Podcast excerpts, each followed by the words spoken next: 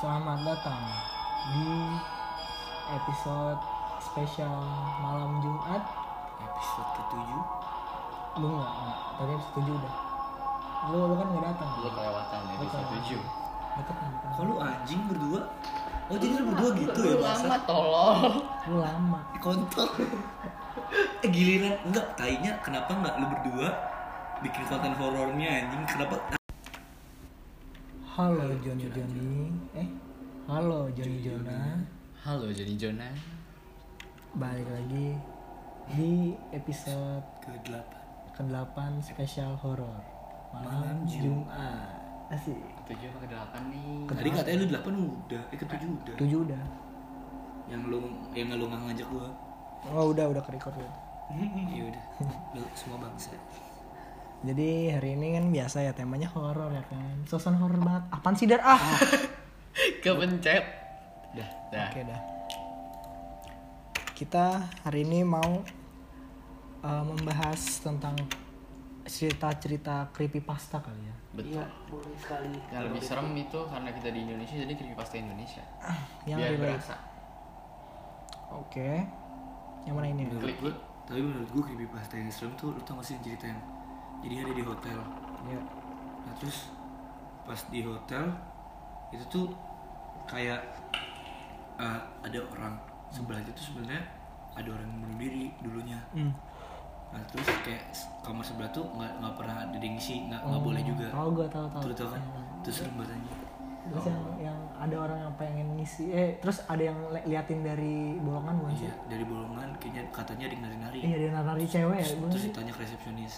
Padahal katanya nggak ada orang. Terus kayak dia kekeh kayak itu tuh ada orang sebenarnya. Hmm. kayak ditanyain terus itu siapa itu siapa terus pas malam terakhir kayak eh, pas dia ngintip Dar, duduk sebelah kiri Dar. Silakan. pas dia ngintip Ada itu tuh ada yang nari kan? warnanya merah itu terakhir Oh, malam terakhir merah, iya, iya. merah Terus kayak, kok eh, itu sebelah udah ditambel ya kok warnanya merah sebenarnya mas akhirnya jelasin tuh kayak Itu biar biar dia pengennya tuh merah bukan sih? Enggak jadi matanya tuh merah Oh jadi Jadi begitu kayak- dia ngintip Dia ngintip juga. Iya Wah Gila itu sih. kenapa itu Tegang sih menurut gua Kita lanjut. Lanjut. Kita lanjut. Oke. Ini ada creepy files. Mau yang mana? Ada pacarku yang cantik. Tel oh, telepon rumah. waduh ada telepon rumah nggak sih Gak ada ya? Apa itu pacarku yang cantik jangan Oh, ini kayaknya ada legenda urban dari Jepang nih.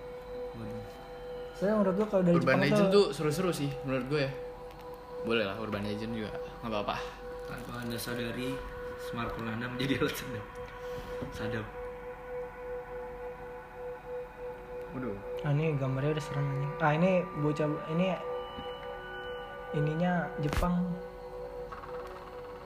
Kalau ini deh kita atau nggak gini deh mulanya. Lo ada cerita-cerita horor lagi gitu. Kan bisa lo banyak nih. banyak Atau yang baru tadi apa namanya yang terjadi aja. Akhir-akhir ini terjadi Yang tadi terjadi sebelum lo datang. Jadi gini real. Hmm. Kan sebelum lo datang nih. Ini ini ini ini tadi banget nih, ini tadi banget kan. Gimana Dar? Jadi tadi tuh kita eh, gua di rumah Darun eh lagi di studio lagi di studio berdua. Lagi ngecil. Lagi ngecil berdua. Abis bikin yang episode 8 kan ya? So eh abis bikin episode yang ketujuh soal Ariel belum datang Ah, nunggu.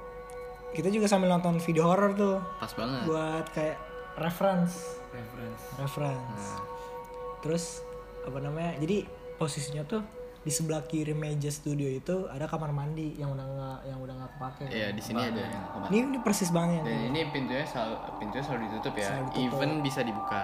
ya terus kayak anjing. anjing ini klimaks soal banget klimaks. Klimaks tuh kecilin dikit kecilin dikit. Udah udah udah udah. Terus tadi nggak ada angin nggak ada apa. Nggak ada angin ada hujan. Kalau nggak salah tuh gua sama Dar tuh lagi lagi ngambil minum kan. Lagi ngambil minum. Balik balik Dar itu pintunya lu buka ya Padahal gue sama Rifki Gua ngambil minum. sendiri kita sendiri di rumah. Eh di rumah di studio. Berdua di studio. Iya berdua. Padahal di tuh belum datang terus Dar lu buka buka pintunya ya? Enggak. Terus gue coba line umnya kabarin Ariel ya kan? Umnya siapa tahu dia udah datang dia lu di mana? Gue telepon lu nggak diangkat. Nggak diangkat. Terus katanya masih di rumah. Gue lagi jagain adik gue tadi. Kan dar itu kebuka dar terus kan lampunya tuh mati ya jadi emang mampus emang ya. mati emang nggak pernah dinyalain juga Nggak lampunya. boleh nyalain kan. Otomatis tuh kayak ya Anjing. gue gue gue nggak paham sih maksudnya emang ada ini apa enggak cuman kalau dari asumsi gue tadi kan kita dat eh, lu begitu lu datang posisinya pas banget maghrib ya Ah. dan itu pintu nggak ketutup. Asumsi gue dan dari luar masuk ke dalam. Waduh. Oh pintu depan? Iya pintu ini pintu studio depan. Tidak lucu sekali kawan. Masa tuh dari itu baru ngomong kayak kan gue bingung ya dari ini ruangan apaan sih? Gue kirain gudang itu. Enggak itu kamar mandi udah nggak pakai oh. Terus waktu habis ambil minum gue sama Daru pas balik ke meja dar posisi pintunya kebuka. posisi pintunya kebuka. Ya. Ya otomatis ya. Ya begitu. Kita jadi lagi di, duduk di meja yang sama nih. Iya. Versi sebelah kanannya. Real. Always di ini. Kalau lu misal ada di sini tuh eh kalau itu lu takut ya gue tadi udah males nanya sebenarnya. Shoot. Apa? Record malam ini gue udah kayak jangan di sini anjing. Baru kejadian bangsat. Biasanya rumah eh rumah masa studio kita tuh asli. Lu lo ya lu kalau lihat nih wah gila loh. Dapat sih dapat feelnya dapet. Tapi kalau dimatiin lampu nih kayak tadi? Wah, wah aduh skip. Oh, oh sama ini. Gue ada ada cerita nih. Tadi kan gue nonton YouTube eh, nonton video kan. Kayak Ini lebih gua- mantap lagi kayak sih, kayak Ja- ah jangan. jangan jangan demi allah gue kaget demi allah gue kaget. Demi allah gue kaget. Segitunya. Segitunya gue kaget. Kayak lampu mati. Kan Nggak, jangan nih jangan nih ya jangan udah Buat nanti kita aja. kita nyalain aja ya? Buat nanti aja kalau kita udah nanti aja. berani jadi tadi kan gue sama Daru lagi nonton video nih. Video horor kan. Kayak ghost caught on camera gitu. Ah, ini ini beneran ya? Ini beneran ya? Jadi tadi tuh ada yang orang Arab ya? Orang Arab, Iya, orang Arab. kayak masuk ke tempat ya abandoned house gitu. Itu kayak dari awal dia mau masuk aja udah di kayak ditampakin gitu iya, real tangannya kayak di jendelanya. Waduh skip banget gue ini. Jendelanya kayak kayak kayak apa sih cewek apa orang? Di lu tau gak sih kalau misalkan pintu terus ada jendelanya gitu? Tahu gua, tahu kan? tahu. Nah, iya. Jadi dia muncul di jendela itu terus terus dia penasaran dia masuk. Disamperin. Banget. Enggak Baget. emang tolol. Dia masuk kan terus di dalamnya tuh diacak-acakin kan bukan maksudnya dianya dia diacak-acakin kan? Iya dia ngacak-ngacak rumah itu. Maksudnya ngacak-ngacak tuh gimana? Kayak jadi kalau misalkan ada kayak dia ditampakin dia tuh datang datang ke penampakan itu. Bukan bukan. Datengin. jadi, nggak maksudnya gue bilang dianya yang diacak-acakin tuh pas dia masuk dianya digangguin. Kayak di, su- kasih suara apa suara apa. ya kayak ada suara gitu terus dia penasaran terus apa lagi? Dia dia dia, dia orang Arab jadi dia baca Bismillah masya Allah gitu kocak sih. sama ayat kursi tadi yang gue denger iya gue gue denger kayak ayat kursi gitu. Tapi tainya tuh disamperin aja. Iya terus ada lagi di, di itu kan yang kayak itu kan kayak video pertama tuh. Masih awal-awal. Terus ada lagi yang video kedua. Video kedua real ada orang Arab juga.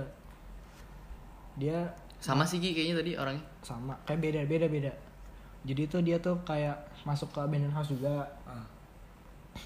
Dia ng- ngelihat ke kaca kan. Dia dia katanya gue mau ngeliat jinnya gitu kan. Waduh skip banget gue terus jadi kan posisi itu dia tuh kayak megang senter kan ke- terus dia sorotin ke kaca, Kaca. ke kaca. senternya dia naikin sekali terus pas diturunin gini. Wah terus ditaruh lagi kayak aja. bener-bener di- ada kita pause. Kita pause. Lu lu lu skippin lu, lu. lu mau liat gak Ril? masih bisa gue enggak setel? enggak mau. Enggak mau. Kayak aduh itu nggak itu itu itu kayak itu kayak paten sih anjing. ibarat parah anjing. kita ngomongnya pelan-pelan males dong biar, nih. biar kita ngomongnya pelan-pelan biar kayak dapet. Dapat gitu. Dapet soalnya kayak dapatnya nih itu tuh ibarat tuh kayak ini kayak film horor tapi kayak beneran gitu. Kan misalnya ke film horor kan lu liat nih kaca settingan. terus kayak lu madep ke mana terus pas balik ke kaca kan ada. Ada. nah itu ibarat kayak gitu. Tapi Ibarat. itu beneran. Ibarat kata iya aduh jadi gitu dong serem sih anjing. Jadi gue aja kaget anjing tadi jadi gimana Rel skip. Ini kan persetujuan lu juga. Enggak. Ini kan konten-konten kita. Enggak. Jumat demi listener. Enggak di sini juga. Listener. kan gue bilang enggak di sini anjing. Setelah kejadian kemarin. Itu just aduh nggak ada ini studio. Kayaknya kita harus ada eksorsisme eksorsisme di studio ya? Di sini beneran. Terus itu ini kan depannya udah luas nih. Wah. Kita bu- bunderin aja. Terus kita basic. Cuka eh cuka kita basic segitiga ya Wah, itu bukan bintang bintang itu manggil itu anjing manggil oh manggil ya oh yang kayak paranormal kemarin aduh Waduh. terus lilin-lilin wah skip banget gue bayangin sih ini. Nih, jangan ya jangan jangan. bahaya bahaya Suges suges. Itu TV yang apa TV yang jadul gitu sih? TV jadul gitu kan kalau nyala kan ya kayak stuck gitu dulu Enggak. terus kayak zzz yang gitu. ya ya tiba-tiba ada bulatan gitu. Nggak, tiba-tiba nyala. Dering, dering, Sekarang tiba-tiba nyala. Gue pukul lu semua anjing bener. Gue cabut langsung. Nggak tahu itu masih bisa nyala apa enggak Itu dia, nyala tapi padahal nggak dicolok. wah Dan kok asli nyala, padahal nggak dicolok. Wah, Ya, kayak kemarin belum pernah sih gue yang jadi pencet-pencetan yang Are you here? wah anjing, wah Iya, anjing. kemarin kita nonton. Wah anjing. itu paten anjing Cing, anjing, anjing, anjing, anjing, anjing. Memang udah tuh anjing. Ini yang nonton cengas-cengesan aja nih, ngira nggak seru tapi ini kita lagi Lagi sebenarnya Se- kita benar-benar dapat feel-nya anjing soalnya setakut-takutnya itu. studio ini kan ya gitu deh oke lanjut kita bacakan satu apa mau creepypasta urban legend atau cerita serem aja deh. Cerita. Jangan cerita horor creepypasta yang diangkat dari kisah nyata. jangan boleh boleh nggak apa-apa Kayak Lavender Town Syndrome. Pertama adalah creepypasta Lavender Town Syndrome. Kisah ini sendiri adalah kasus bunuh diri serta penyakit misterius yang ditemukan pada anak-anak usia 7-12 tahun. Setelah Pokemon Red dan Green baru rilis di Jepang pada bulan Februari tahun 1996, anak-anak yang sudah memainkan game itu sampai live sampai Lavender Town. Oh, jadi Lavender Town itu tempat ini ya, po, kayak level Pokemon, gitu ya. Oke. Mhm. Sampai Lavender Town akan mengeluarkan musik yang tinggi dan hanya bisa didengar oleh anak-anak serta remaja saja. nah Seramnya, seramnya nih, ada 200 anak yang dilaporkan bunuh diri dengan terjun dari ketinggian atas gedung. bah Bahkan banyak dari mereka ditemukan mati gantung diri. Sementara yang enggak bunuh diri dilaporkan merasa sakit kepala parah gara-gara musik di dalam permainan game Lavender Town ini. Wah, anjing ayo mau coba kita mainin nggak game enggak Creepypasta Lavender Lavender Town Syndrome katanya sih diinspirasi diinspirasi dari tingginya kasus bunuh diri yang terjadi di Jepang pada tahun 1996 yang bersamaan dengan rilisnya Pokemon Red dan Green. red and green Red and Green. Cerita creepy, creepypasta ini juga diinspirasi dari salah satu episode anime Pokemon Deno Senshi Porygon yang disiarkan pada tahun 1997. Nah, ada satu adegan dalam anime ini di mana terjadi ledakan besar dengan warna merah serta biru yang memiliki frekuensi gelombang 12 Hz selama kira-kira 4 detik. Di adegan ini banyak penonton yang mengeluh sakit kepala, mual, pusing sampai penglihatan menjadi kabur. Lu jangan ngesep dulu dong, jadi suaranya jadi Bahkan ada yang mengalami kebutaan, kejang dan kehilangan kesadaran. waduh anjir sampai segitunya anjir Total penderita dari tragedi game horror Lavender Town Syndrome ini mencapai angka 685 orang. Lebih dari separuhnya adalah anak-anak kecil makanya buat next jadi main Pokemon main Pokemon. Pokemon Masa gue tadi habis download Pokemon Oh, ini ada lagi. Kisah nyata Russian Sleep Experiment. waduh Cerita Russian. cerita cerita horor creepypasta. Cerita horor creepypasta yang terinspirasi dari kejadian nyata selanjutnya adalah Russian Sleep Experiment. Hmm. Kok musiknya mati? waduh Kisah ini juga nggak kalah seremnya dibandingkan de- dengan cerita Lavender Town. Sesuai judulnya, creepypasta yang satu ini menceritakan eksperimen dari sekelompok komunis Rusia pada era tahun 1940-an. kami serem anjing Objek penelitian adalah para tahanan eh objek penelitiannya adalah para tahanan perang alias manusia-manusia hidup. Jadi para eh jangan dulu dong berisik. Jadi para peneliti Siko ini ingin tahu gimana sih dampak kesehatan yang akan terjadi pada tubuh manusia apabila mereka nggak tidur selama beberapa hari. Jadi kayak mereka dipaksa nggak tidur ya. anjing minum kopi minum apaan ya bener bener dikasih ini pasti pasti dikasih sesuatu deh Untuk memaksa sabu anjing sabu Untuk memaksa percobaan praktek tidak manusiawi itu bisa terrealisasi, beberapa tahanan yang menjadi objek akan dikurung di dalam kamar tahanan yang diberi suplai gas stimulan. Tuh kan. Anjing gak bakal Dikasih gas gitu anjing. Dengan begini, para tahanan yang menjadi objek tidak akan bisa tidur. Selama beberapa jam, para peneliti akan memperhatikan tingkah mereka saat disekap di dalam kamar yang berisi gas beracun. Mereka akan mengurangi kadar gas di kamar tersebut jika tahanan jika Sang sang tahanan diketahui sekarat. Praktek manusia dijadikan kelinci percobaan ini pun berlangsung selama sebulan penuh. Anjing 30 hari bener-bener 30 hari. Lalu bagaimana hasil eksperimen ini? Ternyata sangat menger- mengerikan. Para tahanan sendiri dikurung dalam ruangan tertutup dengan pernapasannya senantiasa dimonitor agar gas stimulan nggak akan membunuh mereka, hanya membuat mereka nggak bisa tidur saja. Nah, karena kamera CCTV belum ditemukan pada waktu itu, para peneliti menggunakan mikrofon untuk komunikasi. Peneliti juga bisa melihat objeknya melalui ka- lubang kaca yang tebal 5 inci. Ruangan yang digunakan sebagai tempat percobaan juga turut dilengkapi buku, matras, toilet, serta air serba sangat sedikit. Wah, anjing. Kayak Bener-bener sedikit aja. Waduh. Aduh. gambarnya. Serem banget anjing fotonya. Ada juga cukup makanan kaleng di dalamnya agar para objek penelitian bisa bertahan hidup selama seenggaknya satu bulan. Creepypasta yang satu ini terinspirasi dari sebuah eksperimen manusia yang dikenal dengan nama eksperimen eh eks- Eksperimen. eksperimen eksperimen manusia unit 731. Human Experiment Unit 7 Anjing sumpah. Serem banget fotonya. Serem sih Jujur gue juga ngeliat serem Anjing. Unit 731 sendiri berupa sebuah unit rahasia yang ditujukan untuk mengembangkan senjata biologi Jepang pada era tahun 1937 sampai 1945.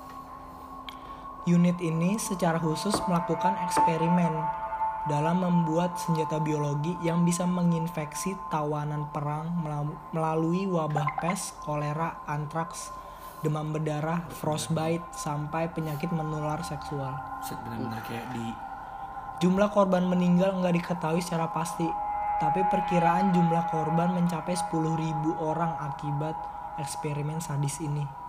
Sejumlah dokter yang bertugas khusus di unit 731 akan melakukan perbanyak virus patogen atau bakteri di dalam organ tubuh manusia untuk melakukan untuk kemudian disebarkan ke seluruh warga desa dan eh sebagai senjata biologis. Jadi ini fotonya. Serem sih anjing Cing serem banget itu udah kayak bukan manusia nih Iya anjing jadi kayak dipaksa bangun aja kan dipaksa gitu kan tahu tahanan nih tahanan perang tapi kayak di- jadi kelinci percobaan terus kayak disuruh bangun gitu kan enggak itu itu Bahkan nggak nggak disuruh bangun sih Ki kalau menurut gue Karena memang mereka udah bener-bener gak bisa tidur dikasih sabu aja ya. Stimulan segala macam anjing Kalau dikasih sabu ya sekali ini pertama kali kalau bisa tidur tiga hari ya. Hari ketiga kasih lagi sabu. Wah, anjing. ini gambarnya emang sadis ya nih. Itu masih ada anjing Masih ada nih Nih, makanya gue Oh. biar fotonya kelihatan aja nih.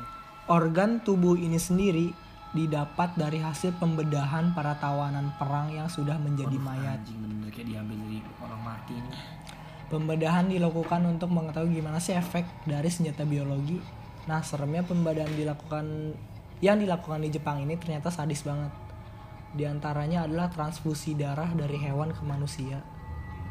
Pemecahan bola mata sampai pemotongan organ tubuh untuk disambungkan ke sisi yang berlawanan. Kayak tangan kiri, Anjing. tangan kanan, tangan kanan taruh kanan kiri. Iya anjing Kekejaman tak Kiri, sampai kekejaman tak sampai di sini saja. Percobaan Russian sleep eksperimen juga tak pandang bulu. Mereka bisa melakukan pada anak-anak kecil yang pasti dan pastinya menyebabkan kematian yang tragis. Bagi mereka yang beruntung hidup bisa dipastikan akan mengalami cacat permanen seumur hidup. Anak-anak kecil ini Udah, udah kayak fix banget gitu. Gak ini pandang dulu anjing kayak anak kecil ada jangan gue nggak mau lihat ini. Aduh, bawain Jeffrey Killer lagi Wah. sobat gue aja. Eh, nih ada lagi 10 cerita asli Walt Disney yang sengaja disembunyikan Itu gue lebih berani sih daripada yang lain. eh enggak deh ini ini sama yang tadi ya salah salah Itu dia Alice. Duh. Serem serem serem Jeff the Killer. The Alice Killings. Tak sal Oke. Dua, dua, tiga empat empat, lima. Oke, lima. Santai. santai lima masih santai emang kalau yang ini Tujuh. tujuh ya? Katanya tujuh. Katanya. Tujuh. Ini lima. Santai. The Alice Killings. Tak kalah seram dan mengerikan dengan cerita nyata creepypasta The Alice Killings. Kasus ini sampai sekarang man- men- masih menjadi salah satu teka-teki paling aneh dan enggak terpecahkan juga di negeri Yakuza Jepang. Kisah pembunuhan The Alice Killings terjadi dari rentan tahun 1999 sampai tahun 2005. Kasus pembunuhannya identik dan memiliki ciri khas seperti dalam pembunuhan berantai. Cara pembunuhannya memang beda, tapi di tiap kasus ditemukan calling card yang yang menjadi ciri khas pembunuhnya. Si pembunuh meninggalkan kartu remi di, di TKP dan tiap kartu remi tertulis Alice dan letaknya selalu sama persis di atas darah korban. Petunjuk lainnya sangat minim ditemukan dalam kasus The Alice Killings ini. Korbannya sendiri ada lima orang. Kisah creepypasta ini terinspirasi dari kasus pembunuhan Alfredo Galan Sotilo yang ada di Spanyol. Julukannya, eh julukan untuknya adalah The Playing Card Killer. Sotilo dilaporkan membunuh 6 orang di tahun 2003. Dalam tiap pembunuhan yang dilakukan Sotilo, ia pasti meninggalkan kartu remi di atas tubuh korbannya. Dan sebelum dan sebelum menembak mati para korbannya, nih, Sotilo akan memaksa korbannya untuk mengucapkan selamat pagi dan berlutut menyembah sebelum dia di, di- Eksekusi. sebelum dia mengeksekusinya. Kasus pembunuhan ini sebenarnya tidak akan pernah terungkap oleh kepolisian karena begitu lihainya sang pelaku menghilang jejak kejahatannya. Namun pada tanggal 3 Juli tahun 2003, Alfredo akhirnya menyerahkan diri ke polisi dan ia mengaku sebagai tokoh tunggal di balik sosok The Playing Card Killer. Rumor mengatakan alasan Sotilo menyerahkan diri karena dirinya selalu diteror oleh para arwah-arwah korban yang sudah ia bunuh. Sebenarnya kalau lu bener-bener kayak serial killer gitu kayak lu nggak kayak nggak peduli sih. Nggak lu? Harusnya kayak nggak peduli dia juga kalau serial killer tuh jatuh psikopat gitu kan Jadi Iya. kayak udah nggak mikirin Iya. ya kan Kayak nggak harusnya nggak ada rasa bersalah gitu. Tapi kalau dia masih mikirin gitu itu artinya apa? Berarti dia dia kayak sebenarnya pengen ngebunuh aja, cuman ada rasa hasrat pengen bunuh. tapi kan serem aja ya kalau habis membunuh orang banyak terus kayak diteror gitu Nah si ini siapa ya? Yang dia bener-bener kayak di diteror sama arwah-arwah yang soalnya dia ngebunuh itu witch witch gitu oh iya Oh, iya iya. dia kayak ngebunuh witch witch gitu terus Ah. kayak diteror gitu terus terusan kayak dia be aja kayak sesans gitu aja. Diterornya nggak sampai dibunuh gitu kan misalnya kalau kayak- kayak gitu kan bisa ngebunuh gak sih? Sebenarnya kita mat- dia matinya tuh karena ketakutan dia sendiri. Ah, Kayak bunuh diri, Ah, ya. kayak di paranormal ya, Nah. diri. emang lebih serem itu sih kayak lebih serem manusia anjing pokoknya daripada setan tuh. Karena kalau manusia tuh lu bisa ngeliat bener-bener bisa ngeliat wujudnya. Uh ah, itu serem anjing. The rake. Duh Ah, Slender, ah, Slenderman yuk. Kayak, kayak Slenderman itu kayaknya Slenderman tuh mitos sih yang. Wah, Slenderman itu kayak mitos boleh tuh bacain yang tadi tuh the, the, Slend- the Slenderman dulu. itunya Slenderman. Slenderman tuh kayak semua anak tuh pasti tahu anjing. Ya gak sih? iya udah Slenderman dulu. nggak usah lihat mukanya Ya lu lu jangan lihat. lu gak usah lihat Oke, 6. Eh, enggak, ini kita skip aja. 6. dan Slenderman sih kalau menurut gue Slender- atasnya atasnya tadi bagus tuh Slenderman. Jeff the Killer Cerita serem creepypasta lain yang gak kalah populernya adalah Slenderman. Slenderman sendiri adalah sosok misterius yang terlihat seperti pria jangkung yang tubuhnya tipis, nggak punya wajah, memiliki lengan aneh dan biasanya dia memakai jas warna hitam. Orang-orang yang melihat sosok ini biasanya akan mendapat kabar mengerikan, misalnya menghilang tanpa jejak atau bahkan dibunuh dan dimutilasi menjadi beberapa potong persis seperti daging ayam di supermarket. Uh Datangnya Bentuk, datangnya sosok Slenderman sering dikaitkan juga dengan ketakutan hebat dan juga rasa paranoia. Nah, orang-orang yang melihat Slenderman juga ditemukan dalam keadaan agak eh enggak waras alias gila total. Mas ini. Kalau ketiga kalau ketiga kisah sebelumnya terinspirasi dari kejadian mata, eh, kejadian nyata, maka creepypasta Slenderman ini justru membuat kisahnya sendiri. Dimulai dari dua orang remaja Wisconsin yang menjadi tersangka karena terlibat dalam aksi sadis untuk membunuh teman sekelasnya. Dua remaja ini nekat membunuh karena mereka ditakuti oleh karakter Slenderman dalam game dan harus mengorbankan seorang teman agar tidak dihantui Slenderman. Anjir. Keduanya dijatuhi hukuman 25 tahun penjara dan mendapatkan masa terapi rutin untuk meminimalisir dampak psikologisnya. Dari sinilah muncul kisah tentang Slenderman. Walau sebenarnya Slenderman, Slenderman itu tidak eh enggak benar-benar ada, hanya sebuah tokoh fiktif imajinasi dan hanya dalam game saja. Namun manusianya sendirilah yang seolah-olah membuat karakter hayalan itu menjadi benar-benar hadir di kehidupan nyata. Tau gak sih film Slenderman? Tahu gue, gue udah nonton. Gua gua belum tahu tuh film Slenderman. Gue udah nonton. Jadi sebenarnya itu penyakit psikologis aja. Psikologis bener. Jadi itu emang ada tapi kayak orang itu Iya sakit. Oh. Nah sedangkan itu banyak orang yang sakit seperti itu sama ngerti gak sih lo? Nah, oh, Kalau iya. dari film Slenderman sendiri sih itu dia kayak ada emang kalau di dalam film itu tuh bener-bener kayak emang ada terus dikasih tahu cara summon Slenderman itu gimana.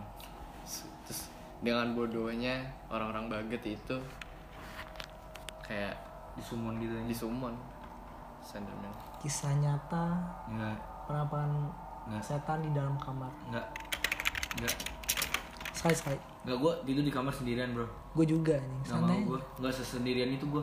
Nyokap lagi gak ada soalnya. Gue juga. Nah, gue gue penasaran ada apa enggak, ada apa enggak. Gak mau. Yaudah lu lu jangan lihat, lu jangan lihat. Gue denger anjing, gue denger di. Gak bye guys. Oh, ah. bentar gue mau ini kisah nyata.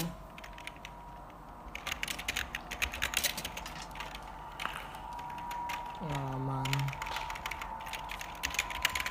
horor di Gue kalau dalam kamar nggak ada sih. Tapi ya kalau lu kebangun terus ngeliat sudut kamar, ini kumpulan cerita horor di hotel yang pernah saya alami. Red, red, red, Mr. Simple sekalian. skip, skip, atasnya apa serem tuh ya? skip. Hmm.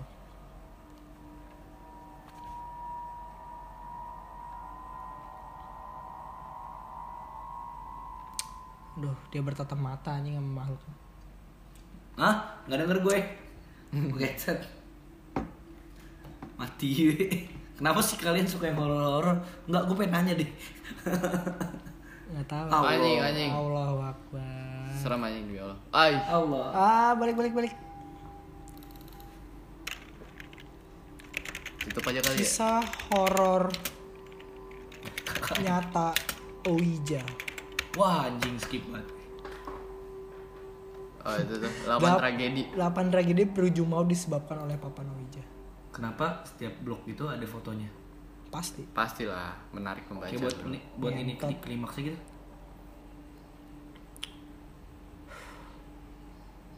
Baca pemuja sih. Pada tahun 2007, seorang pria bernama Joshua Tucker membunuh seorang fuck, membunuh seorang teman bernama Donald dan ibu serta saudara perempuan temannya tersebut. Namun demiki- namun demikian, ibunya menganggap putranya sebagai seorang korban, bukan pelaku. Menurut menurut ibunya, sebelum menggorok menggorok Elizabeth Shalchin umurnya 13 tahun dan menikam Ellen Shalchin umurnya 41 tahun sebanyak 90 kali. Tucker telah main Ouija selama 45 menit.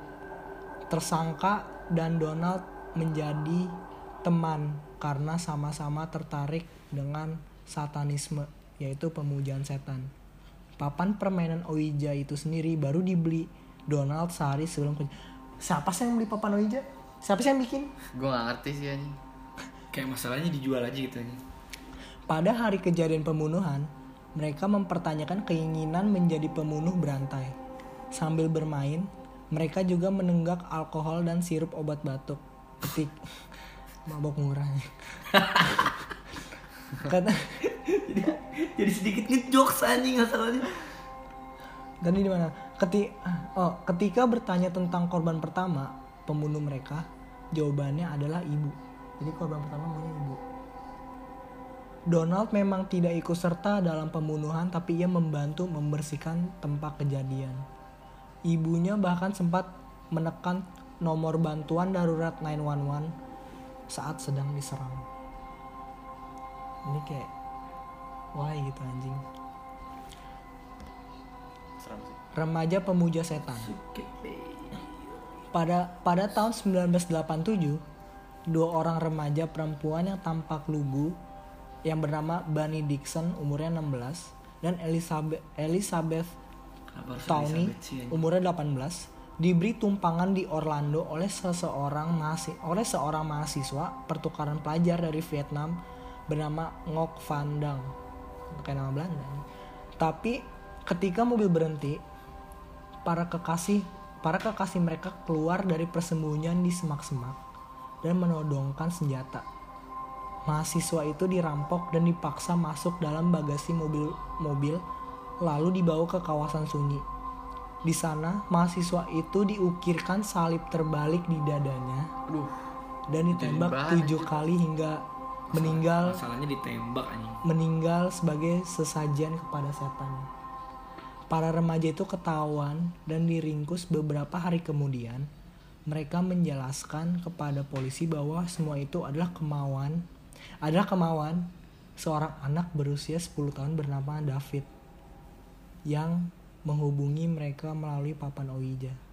Mereka mengaku diperintahkan untuk mencuri mobil, merampok seseorang, dan pergi meninggalkan Florida untuk ikut karnaval di Virginia. Jadi yang menyuruh itu adalah anak berusia 10 tahun. Dibini David the Hot. David, oh lu tuh David ini nggak? David Wong. David di EXO. Goblok. David Beckham. ganteng ganteng. Jadi ada yang ini lu tau gak sih yang David yang kepalanya penyok? Oh tahu gue, gue tahu ceritanya. Kayaknya itu dah. Bisa jadi. Nggak tahu sih. Bisa Nggak jadi. tahu sih tapi. Saya Yang gue penyok yang bro. yang itu muncul Enggak, di enggak. ini kan? Jadi orang lagi tidur. Orang lagi tidur. Terus ada ada dia lagi paralyzed gitu yang nggak bisa gerak. Perpan. Terus dia lihat di Dalam kamar. bahasa Indonesianya. Terus dia ada ini ketindihan. Terus uh, ada anak kecil David ini di kamarnya. Terus kayak dia dianya foto, dia ada ada fotonya ada Naruh foto CCTV David. juga. Iya, ada foto. Lu mau lihat foto David? Enggak, enggak. Oke. Enggak mau. Jadi kayak beneran dia tuh David tuh kayak udah megang pisau atau ah, gue nggak tahu ya cerita bener apa ah, apa cerita sebenarnya tuh kayak gimana gue lupa tapi yang penting tuh kayak korbannya itu kayak takut banget gitu Setakut itu. Ngelihat sampai di fo- ada fotonya Ada fotonya. Terus Makanya- Davidnya juga nyamperin CCTV-nya. iya di, anjir. disamperin CCTV-nya CCTV-nya tuh bukan model CCTV yang kayak live action, live live cam gitu. Jadi dia berupa kayak foto per frame per frame per frame gitu. cek cek cek cek cek gitu Iya. anjing itu lebih serem sih. Selama beberapa detik, cekrek, beberapa detik, cekrek, beberapa detik, cekrek terus gitu. ada ada ada muka David gitu Ada muka David di kameranya mampang di CCTV itu. Bener-bener. Uh, Lucu jadi dulu tuh David itu kalau nggak salah gara-gara apa gitu jadi palanya tuh penyok gitu ketiban apa ya? Ketiban lemari. Lupa. Iya. lemari atau apa gitu Lemari apa rak? Apa rak gitu? kayaknya deh. Gue lupa deh. yang rak besi apa besi lemari? gitu Iya berangkas fix. It- it- yang gue tau David sih itu dan David tuh masih anak kecil gitu Aduh. Pusing gue. Ya, jadi Ya jadi eh, Sekian. aja. kesurupan ada satu lagi Enggak udah. satu lagi Enggak mau. oh fix banget ini ayo ayo ayo Ayo, sekali sekali sekali Jadi eh, makasih ya guys udah, eh, udah Ariel dengerin udah parno. podcast ini. ya sudah Saya sudah merasa tidak enak sekali. Udah setengah jam juga ya. cukup kali ya Anjing lo semua sekali lagi. nggak ini ini belum serem sih menurut gue Belum serem sih. Menurut gue udah banget. kalau lo Enggak, gue belum. Gue belum bener-bener belum. serem. Jawara setakut nih Jawara takut anjing. Model udah preman ya kan Iya, model udah preman banget. Pane pre kagak ada preman-premannya anjing. Ya lu kan lucu banget kan. Ya udah, jadi sekian dari podcast spesial horor Bacot. malam hari ini. Bacot. Jadi untuk next special horror gue gak bakal mau shoot kalau selain di kopi susu tete. Najis Oh ya hari ini kita disponsori oleh siapa? kopi Kopi susu. susu tetes As always always. Selalu. Kalian datang ya ada di Bintaro sektor 1 Di Jalan Bintaro Utara, Blok H 1 nomor 28.